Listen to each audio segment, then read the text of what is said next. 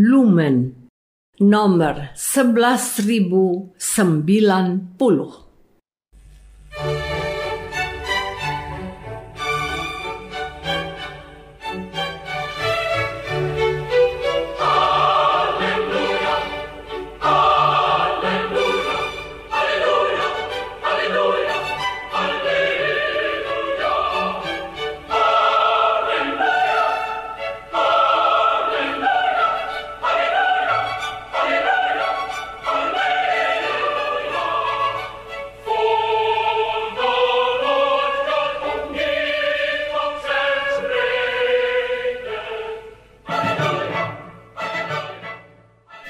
Saudara pendengar di segenap penjuru tanah air, selamat bergabung dengan Lumen Indonesia. Lumen Indonesia siap melayani Anda setiap hari. Saudara terkasih, marilah kita bersatu dalam Tuhan kita Yesus Kristus yang tidak berubah dahulu, sekarang, dan selama-lamanya. Allah Sang Maha Rahim mengasihi dan menerima sebagaimana adanya kita Allah Bapa kita di surga senantiasa bersedia menolong, menghibur, dan meneguhkan kita dalam menghadapi segala permasalahan hidup sehari-hari.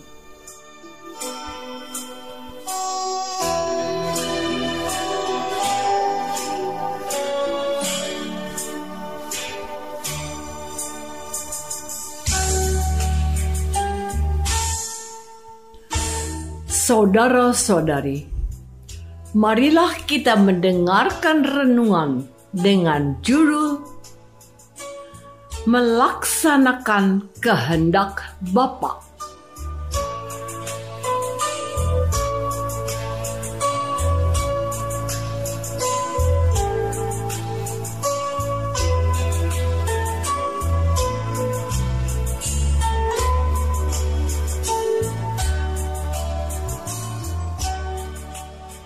Yang berdasarkan pada Injil Yohanes bab 5 ayat 36.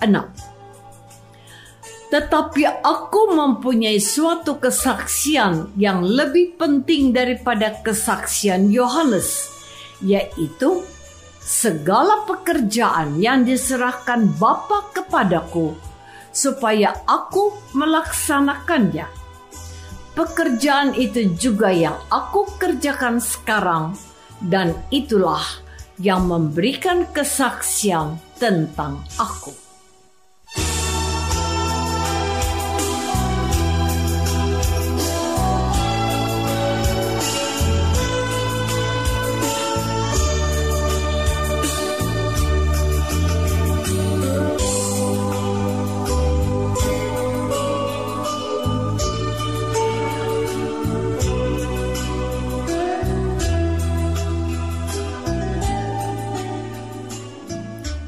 Dalam nama Bapa dan Putra dan Roh Kudus. Amin. Saudara-saudari terkasih dalam nama Tuhan Yesus Kristus. Kita semua telah tahu dengan baik bahwa Yohanes Pembaptis ditampilkan oleh para penginjil suci sebagai bentara Yesus. Dia mendahului kelahiran Yesus Yohanes Pembaptis itu adalah seorang nabi yang besar sekaligus seorang utusan Allah yang sangat sadar akan tugasnya. Ia hanyalah suara yang mewartakan sabda yang telah menjadi manusia dan tinggal di antara kita. Yohanes dikenal sebagai seorang yang rendah hati. Ia berkata, ia harus menjadi semakin besar. Aku harus menjadi semakin kecil. Yohanes bab 3 ayat 30.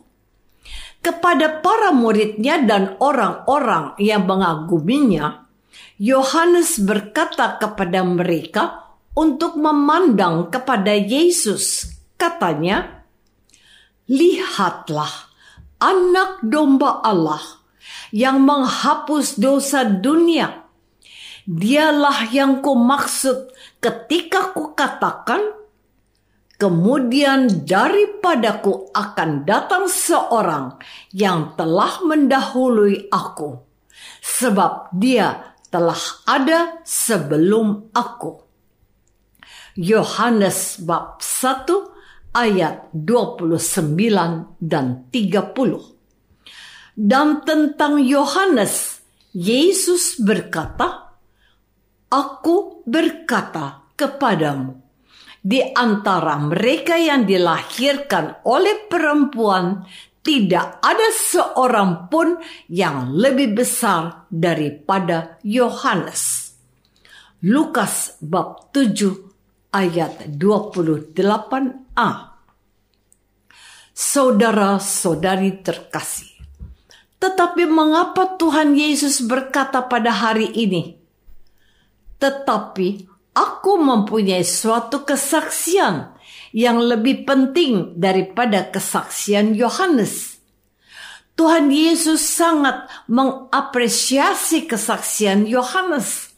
Namun, itu hanyalah kesaksian seorang nabi. Dia adalah seorang manusia. Kesaksian yang lebih dan melampaui kesaksian Yohanes adalah segala pekerjaan yang diserahkan Bapa kepadaku supaya aku melaksanakannya. Pekerjaan itu juga yang aku kerjakan sekarang dan itulah yang memberikan kesaksian tentang aku. Yohanes sudah menghantar orang banyak untuk bertemu dengan Yesus dan mengenal dia secara pribadi. Namun, mereka tidak boleh berhenti dengan apa yang sudah disaksikan oleh Yohanes, tetapi mereka berkenalan secara langsung dan pribadi dengan Yesus. Yesus diperkenalkan Yohanes sebagai Allah, sebab Dia ada sebelum Dia jadi manusia dan nabi. Kebenaran itu dapat ditemukan dalam karya-karya baik dan mengagumkan yang dikerjakan oleh Yesus. Saudara-saudari terkasih, Tuhan Yesus dalam kehidupannya bersama dengan bangsanya telah menyatakan apa yang dikehendaki Bapaknya. Tuhan Yesus menyatakan dirinya sebagai Allah yang hadir di tengah manusia dengan taat kepada Bapaknya. Ia selalu tampil dan hadir di antara orang banyak untuk menyatakan kasih Allah. Tuhan Yesus mengerjakan pekerjaan Allah di antara manusia, yaitu untuk menyelamatkan mereka ia mengampuni orang-orang berdosa. Hal itu sempat diprotes oleh orang-orang Farisi dan ahli-ahli Taurat yang berkata, "Bukankah hanya Allah yang dapat mengampuni dosa?" Dan dengan tegas Tuhan Yesus berfirman, "Di dunia ini, Anak Manusia mempunyai kuasa untuk mengampuni dosa. Bukankah dengan demikian pekerjaan mengampuni dosa ini juga sudah menyatakan siapa dirinya sesungguhnya? Bukan hanya itu saja, Yesus mengadakan berbagai mujizat yang menyatakan kuasa Allah, seperti menyembuhkan berbagai penyakit, Orang buta dicelikan matanya. Orang tuli bisa mendengar. Orang lumpuh bisa berjalan. Dan yang fenomenal adalah Tuhan Yesus membangkitkan orang mati. Mereka itu putri Yairus, pemuda dari Nain dan Lazarus yang dibangkitkan dari mati. Tuhan Yesus membuka mata banyak orang sebab dia adalah anak Allah yang peduli pada penderitaan banyak orang. Ia memberi makan mereka yang kelaparan dengan menggandakan lima roti dan dua ikan. Ia memberikan kesembuhan untuk orang-orang yang menderita kusta agar dapat diterima lagi dalam pergaulan umum. Karya-karya Yesus itulah yang menyatakan jati dirinya sebagai anak Allah yang hadir di antara manusia. Saudara-saudari terkasih, dalam masa Advent ini, gereja sudah mulai memperkenalkan sosok Yesus yang diwartakan para nabi sebagai Mesias yang akan datang. Nabi yang terakhir yaitu Yohanes Pembaptis telah menegaskan bahwa dia adalah Yesus yang datang kemudian dari Dia. Dia bahkan merasa tidak layak untuk membuka tali kasutnya. Yohanes sudah menyatakan keagungan sabda yang turun ke dunia dan menjadi manusia. Namun, Tuhan Yesus menghendaki agar semua orang tahu bahwa rencana besar Allah adalah untuk menyelamatkan manusia. Dialah yang menyatakan cinta Allah itu kepada kita. Yesus itu adalah anak Allah yang lahir ke dunia.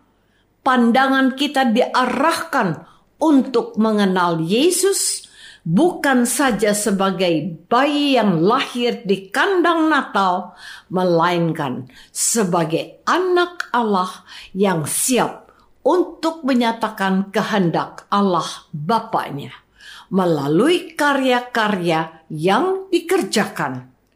Karya yang terbesar adalah dengan taat kepada Bapa, bahkan sampai wafat di kayu salib. Sebab oleh ketaatannya itulah kita beroleh jalan keselamatan menuju rumah Bapa. Sebab dialah jalan kebenaran dan hidup.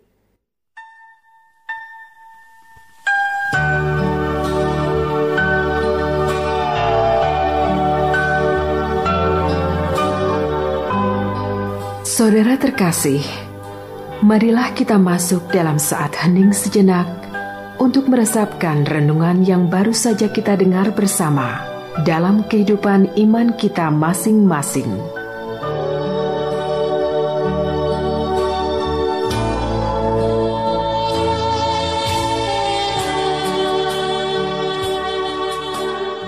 Apakah aku sudah mengenal dan mengamini karya-karya Yesus? sebagai anak Allah, marilah kita berdoa. Bapa yang maha baik, kami percaya pada kesaksian Yohanes, tetapi kami lebih percaya lagi oleh kesaksianmu pada Yesus yang taat pada kehendakmu. Tambahkan iman kami kepada dia, sebab dialah Kristus Tuhan dan pengantara kami. Amin.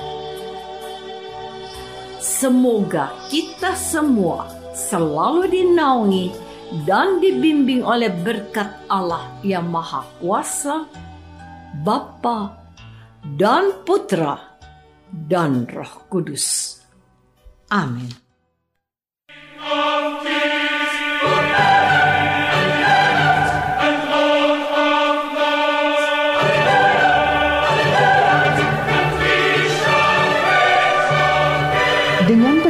Kasih dan sukacita, Lumen Indonesia mengundang saudara-saudara seiman di segenap penjuru tanah air.